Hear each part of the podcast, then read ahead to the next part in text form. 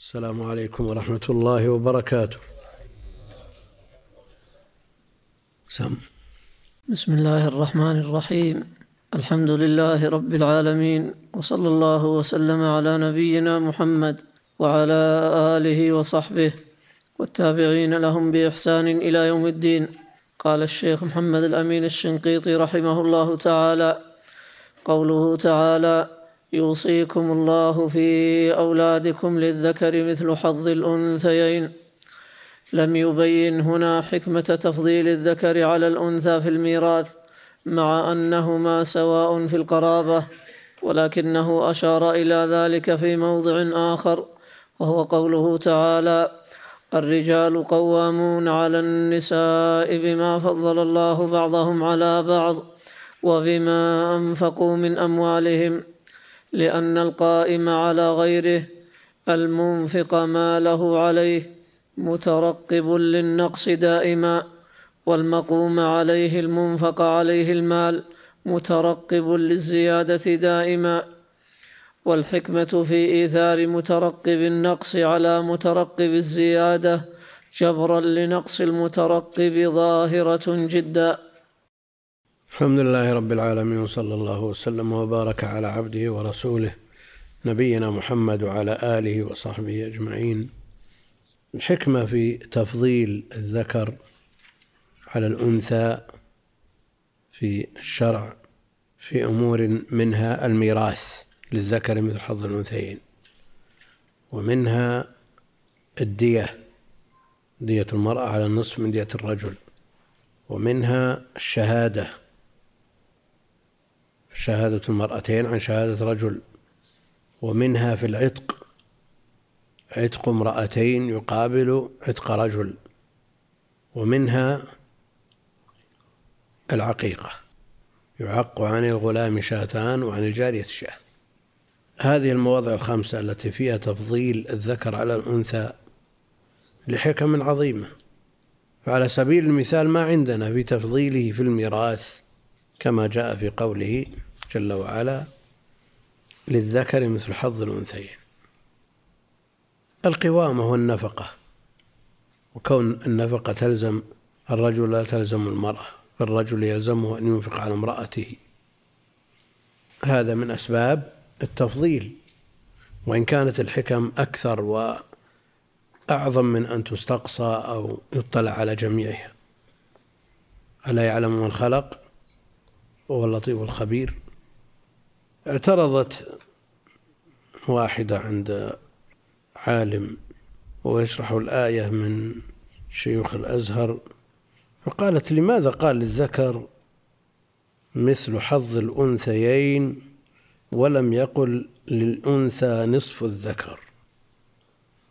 فرد عليها بكلام مسكت خجلت بعدها وما تكلمت طيلة الدراسة. للأنثى نصف الذكر؟ يعني حرف الموضوع إلى موضوع ثاني وأحرجها واستحيت بقية عمرها. ما تتكلم. على كل حال لا يمكن أن يأتي أحد مثله ولا بشيء منه. تحدى الله جل وعلا العرب هم أفصح الناس في أوج عزهم في هذا المجال وفي أوج تقدمهم في هذا الباب في الفصاحة والبلاغة ما استطاعوا. والله المستعان. نعم.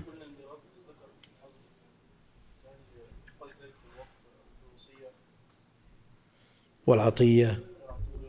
على كل حال العطية من أهل العلم من يرى ذلك وهو المرجح في المذهب وعند العنابلة وغيرهم أن العطية لابد أن تكون على قسمة الله في الميراث. الوقف عاد على حسب نص الواقف. حسب نص الواقف. تقول الله سووا بين أولادكم على حسب اللفظ الذي يؤديه لفظ الواقف. وين؟ وش نصه؟ كان يختلف بأدنى عبارة هذا نصوص الواقفين. شو يقول؟ إذا قال لورثتي لعقبي لكذا مقتضى اللفظ التسوية مقتضى اللفظ التسوية أنهم سواء. لكن مقتضى الحكمة الإلهية حتى قالوا في قوله اتقوا الله وسووا بين أولادكم اعدلوا بين أولادكم سووا بينهم. قالوا أن هذا لا يقتضي التسوية. منهم من قال للذكر مثل حظ الأنثى لكن قسمة الله غالبة على كل قسم. نعم. الجواز للأولاد. على حسب الحاجة وعلى حسب الدافع والداعي لذلك. نعم.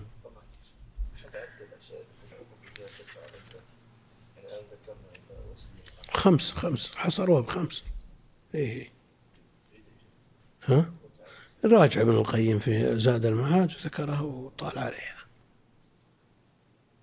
عد معي الميراث والدية والعقيقة والعتق ها والشهادة. الإشكال أن أن المنظمات العالمية التي لا تنتمي إلى هذا الدين تطالب بقوة بالتسوية بين الذكر والأنثى وبالغوا في ذلك حتى فضلوا الأنثى على الذكر وقدموها عليه في كثير من الأمور. وليس قصدهم نصر هذه المرأة الضعيفة لا والله.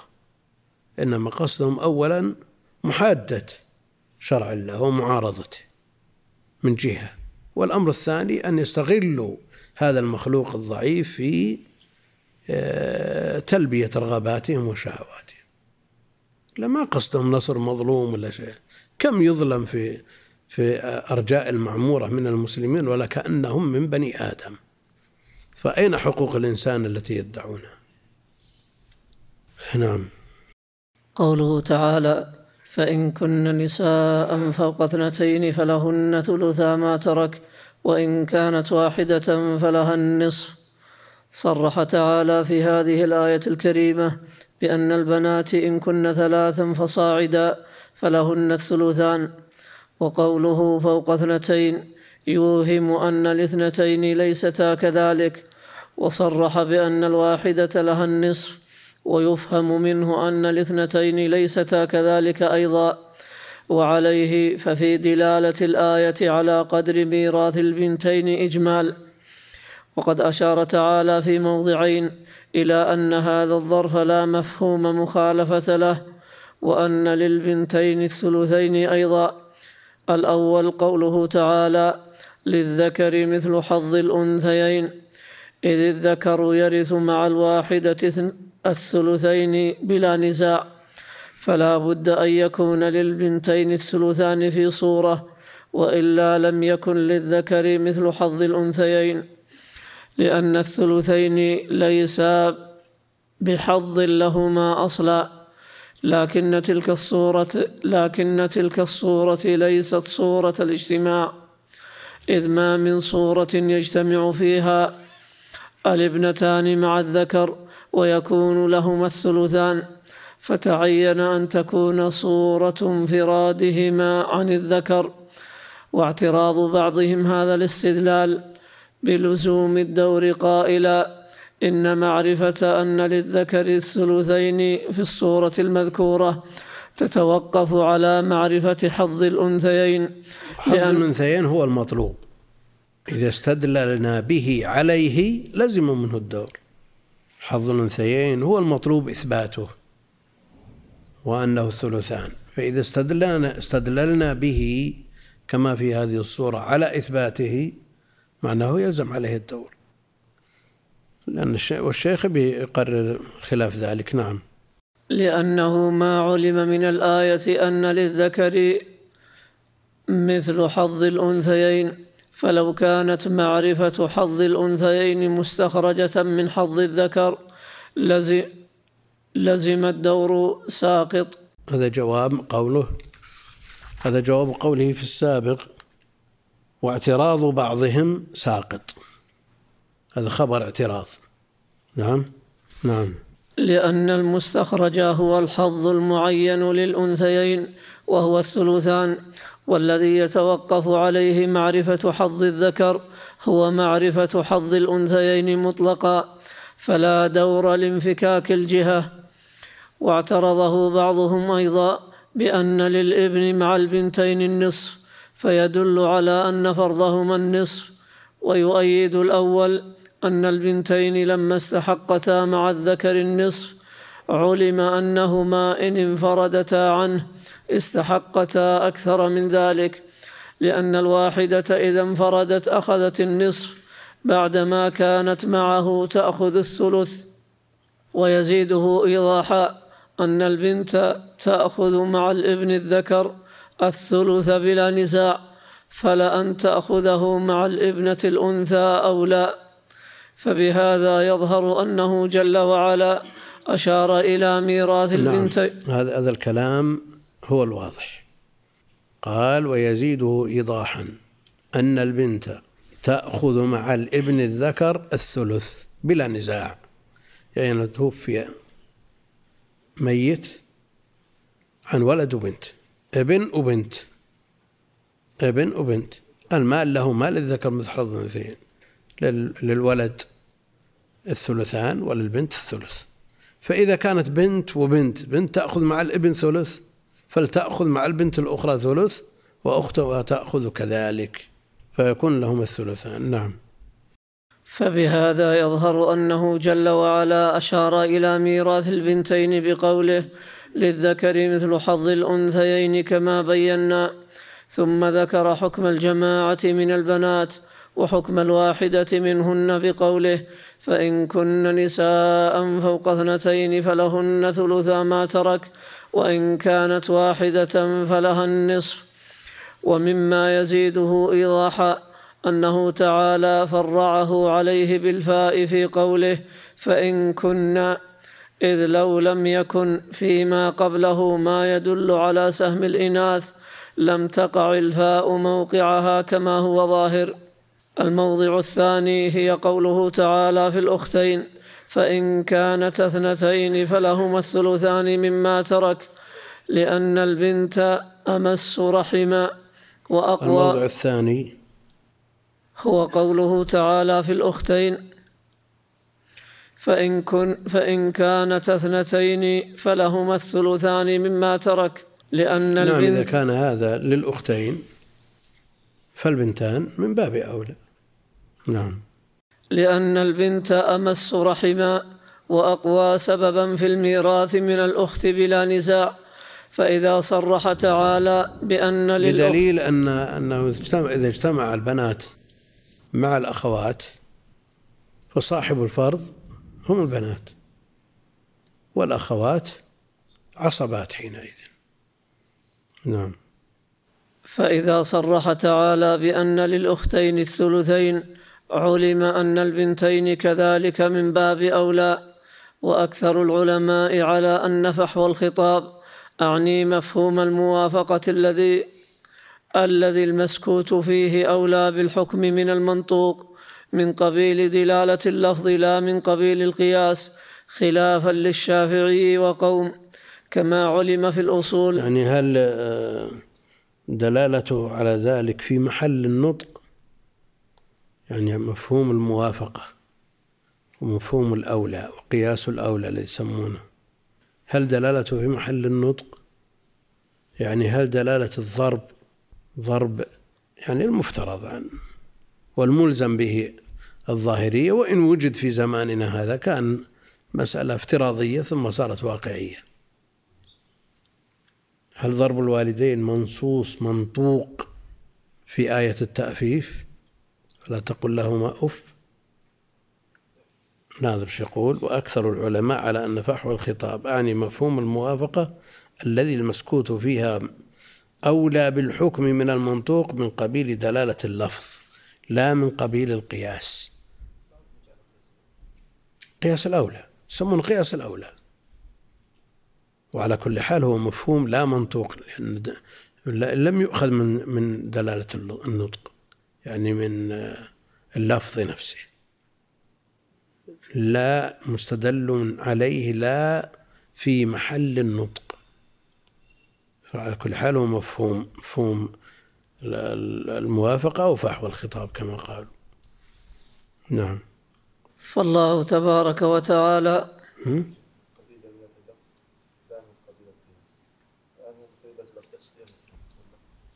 دلالة اللفظ يعني المنطوق كان منطوق.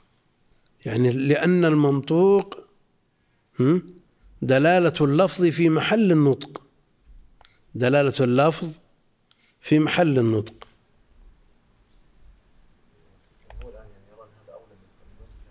وين؟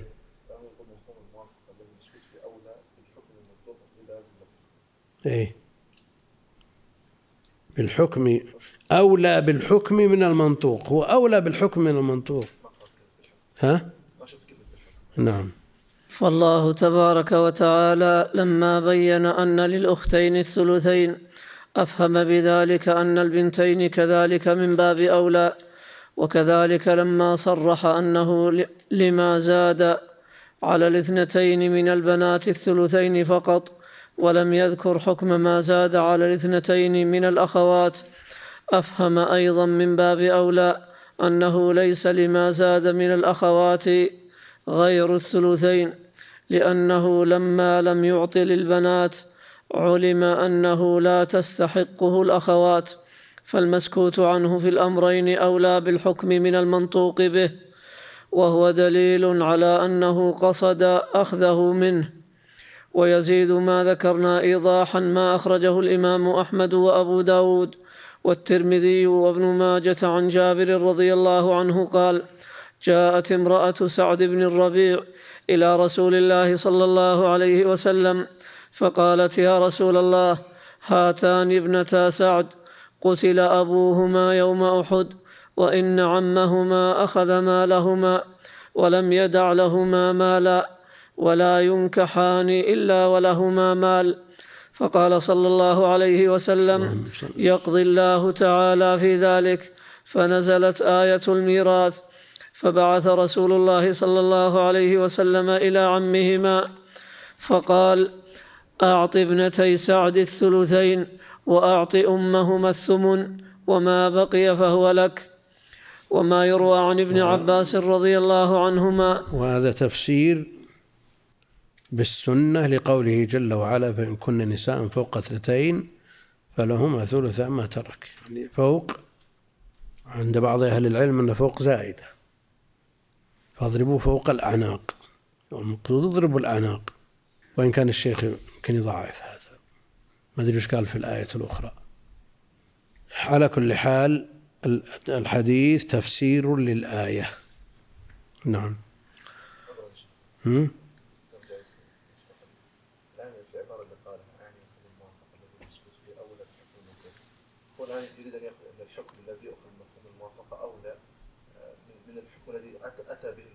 اي نعم لكن هو بعدين قال أنا اشكال قبيل اللفظ قبيل قياس الكلام.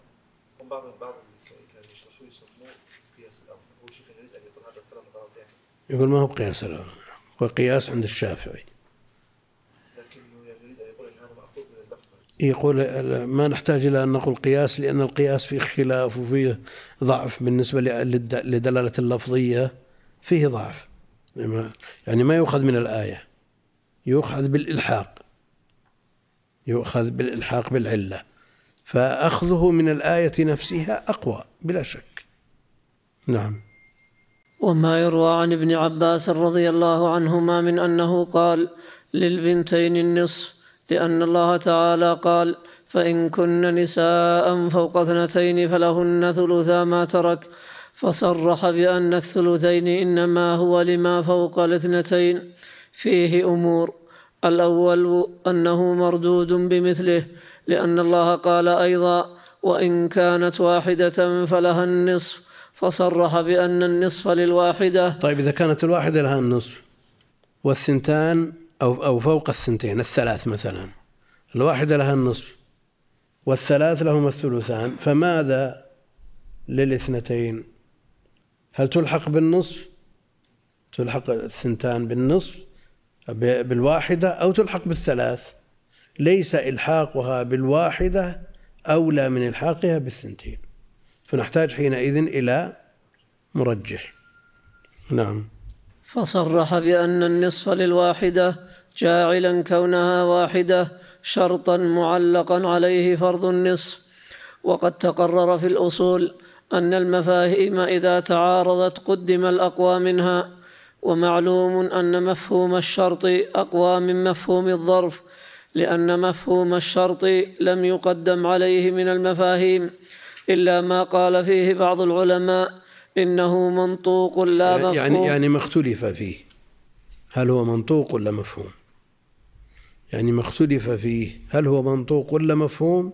لا شك أنه أقوى من جميع المفاهيم المتفق عليها. نعم.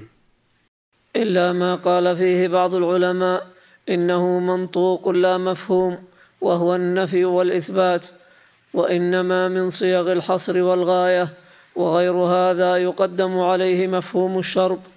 قال في مراقي السعود مبينا مراتب مفهوم المخالفة أعلاه لا يرشد أعلاه لا يرشد إلا العلماء. لا يرشد إلا لا العلماء. يرشد إلا العلماء. النفي والإثبات. لا يرشد إلا العلماء. يرشد. أعلاه لا يرشد إلا العلماء. يعني النفي والإثبات الذي أشار إليه. قال بعض العلماء إنه إن دلالته منطوقة. لا مفهومة. نعم.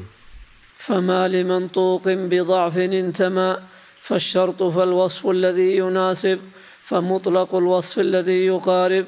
فعدد ثمة تقديم يلي وهو حجة على المن على النهج الجلي. وقال صاحب جمع الجوامع ما نصه. مسألة الغاية قيل منطوق والحق مفهوم يتلوه الشرط. بفضل الله ورحمته. فالصفة المناسبة. برد ها؟ مطرنا بفضل الله ورحمته. اللهم اجعله صيبا نافعا وقال صاحب جمع الجوامع ما نصه؟ مسألة الغاية. قيل منطوق مسألة. الغاية قيل منطوق والحق ما هم ملمك يا شيخ؟ ما هم ملمك قزازهم تكسرت ها؟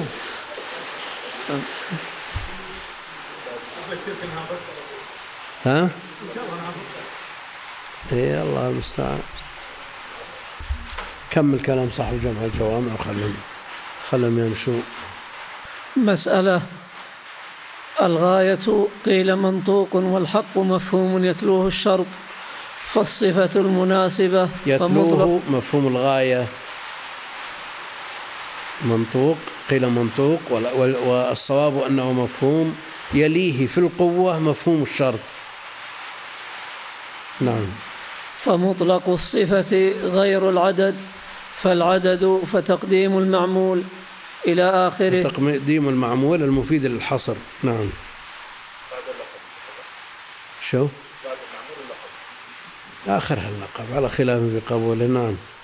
وبهذا تعلم أن مفهوم الشرط في قوله وإن كانت واحدة فلها النصف أقوى من مفهوم الظرف في قوله فإن كن نساء فوق اثنتين. الثاني دلالة الآيات المتقدمة على أن للبنتين الثلثين. الثالث الظرف فوق فوق. لأن في كلاهما شرط. الآيتين في كلتيهما شرط وإن كانت واحدة فلها النصف هذا مفهوم الشرط. أقوى من مفهوم الظرف في قوله فإن كن نساء فوق اثنتين قد يقول قائل لماذا لا يكون أيضا هذا مفهوم شرط؟ فإن كن إن كانت إن كانت فإن كن هذا كله مفهوم شرط. ها؟ اي لكن الظرف هو الملحوظ هنا. الظرف هو الملحوظ هنا. وين؟ هو يريد أن يقرر نصيب البنات أما نصيب الأخوات متقرر ومنتهي. نعم؟ وال- والبنات من باب أولى. مقابلة بين مفهومين لكن فإن كنا نساء فوق فوق هذا المفهوم هنا ما هو مفهوم شرط هنا مفهوم ظرف. وأيهما أقوى؟ هو يقول مفهوم الشرط أقوى من مفهوم الظرف. كلام طويل للشيخ بيجي إن شاء الله. ها؟ شو؟ كانت واحدة لها نصف. نعم كلاهما في البنات.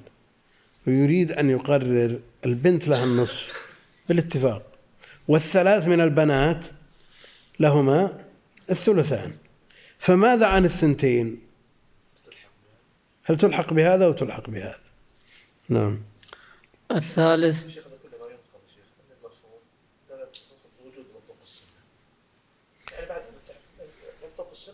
لا هو يريد أن يبين أن القرآن يدل على ذلك. نعم. الثالث. تصريح النبي صلى الله عليه وسلم بذلك في حديث جابر المذكور آنفا. الرابع أنه روي عن ابن عباس الرجوع عن ذلك. قال الألوسي في تفسيره ما نصه وفي شرح الينبوع نقلا عن الشريف شمس الدين الأرموني أنه قال في شرح فرائض الوسيط. أرموي. أرمني أرموي. بس عاد تراجع. أرموني. لا تصح لا تصح. تراجع قبل ما أدري. والله ما أنا متأكد. نعم. أنه قال في شرح فرائض الوسيط صح رجوع ابن عباس رضي الله عنهما عن ذلك فصار إجماعا انتهى منه بلفظه؟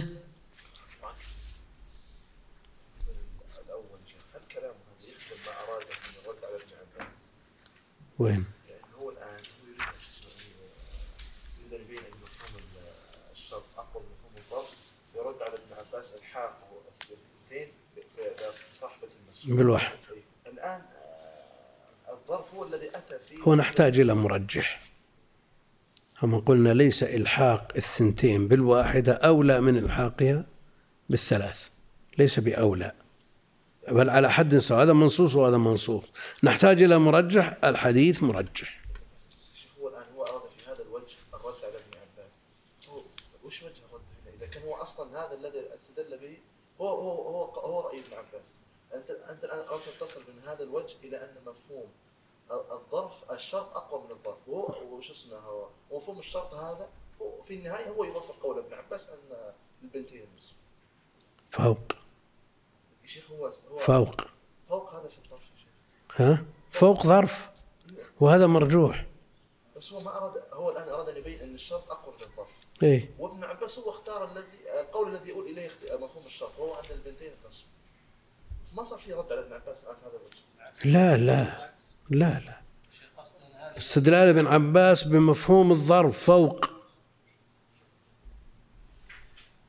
استدلال ابن عباس بمفهوم الظرف الذي هو فوق.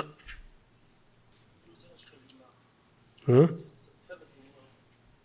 ابن عباس ثبت رجوعه والحديث يدل على ذلك يعني ما نحتاج إلى مثل هذا التطويل لكن الشيخ عنده منهج وهي آه، آه، الدقة في الاستن... ما يترك المسائل عايمة.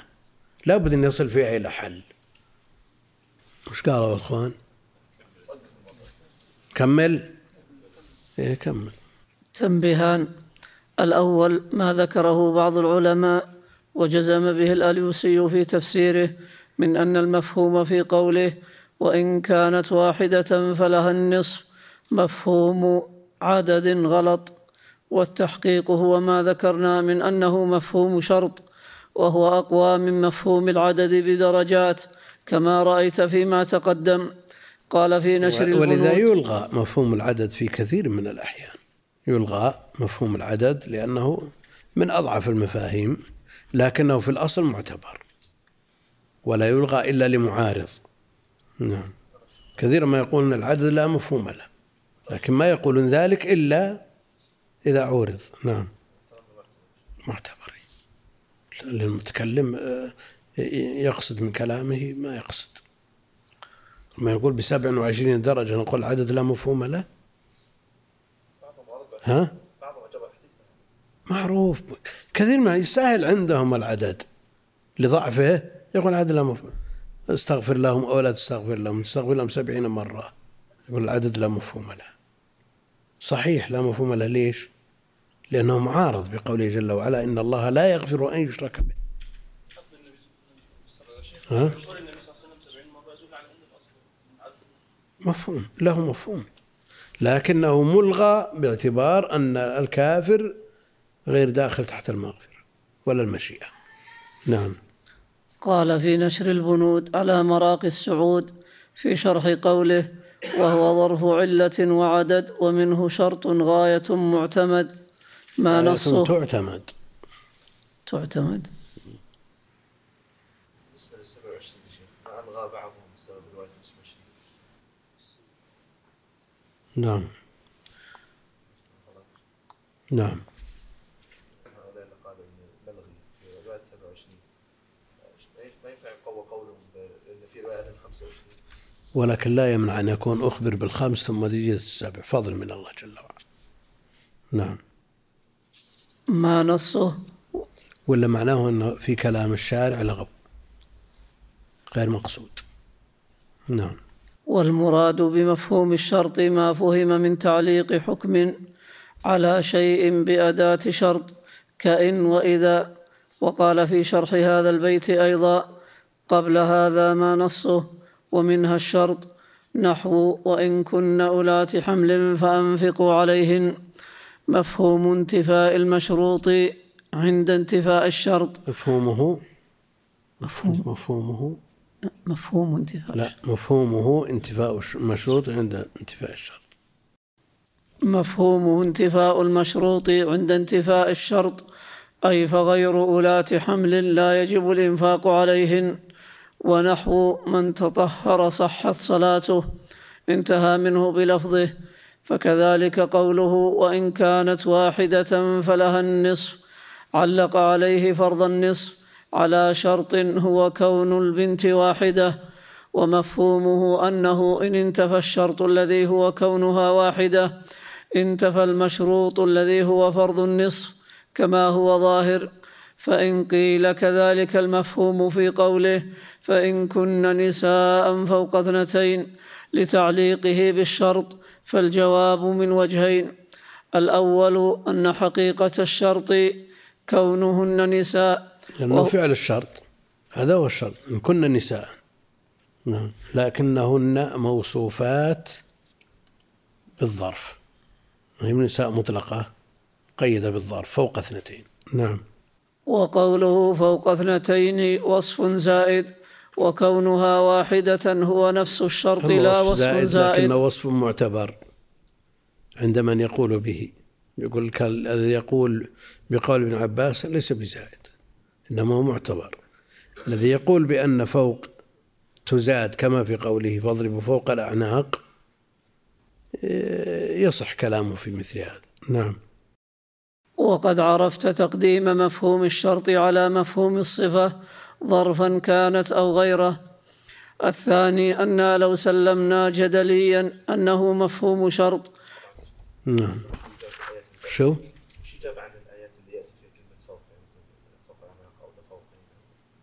لا الشيخ له آه، رحمة الله عليه نظرات دقيقة في مثل هذا. ولو صلبنكم في جذوع النخل. يعني هذا من باب المبالغة في الصلب حتى يتصور أنه من قوة آه، الصلب أدخلهم في جذوع في, في الجذوع. نعم. إيه. نعم. الثاني أن لو سلمنا جدليا أنه مفهوم شرط لتساقط المفهومان لاستوائهما ويطلب الدليل من خارج. وقد ذكرنا الأدلة على كون البنتين ترثان الثلثين كما تقدم. إن قيل فما الفائدة في لفظة فوق اثنتين؟ إذا كانت الاثنتان كذلك فالجواب من وجهين. الأول هو ما ذكرنا من أن حكم الاثنتين أخذ من قوله قبله للذكر مثل حظ الأنثيين كما تقدم. وإذا فقوله فوق اثنتين تنصيص على حكم الثلاث فصاعدا كما تقدم. الثاني أن لفظة فوق ذكرت لإفادة أن البنات لا يزدن على الثلثين ولو بلغ عددهن ما بلغ. وأما ادعاء أن لفظة فوق زائدة وادعاء أن فوق اثنتين معناه اثنان معناه اثنتان. فما فوقهما فكله ظاهر السقوط كما ترى. والقرآن ينزه عن مثله وإن قال به جماعة من أهل العلم. ودنا إيه، نشوف كلام الشيخ في الآية الأخرى. فاضربوا فوق الأعناق. وش قال من فوق؟ الأسبوع الجاي إن شاء الله. الدرس الجاي. هي تجيبه. نعم. قوله تعالى وإن كان رجل يورث كلالة يورث كلالة الظاهر أن المطر يبي يشغل الأخوان.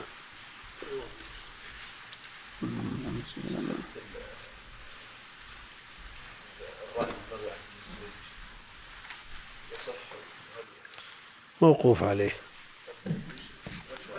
ها؟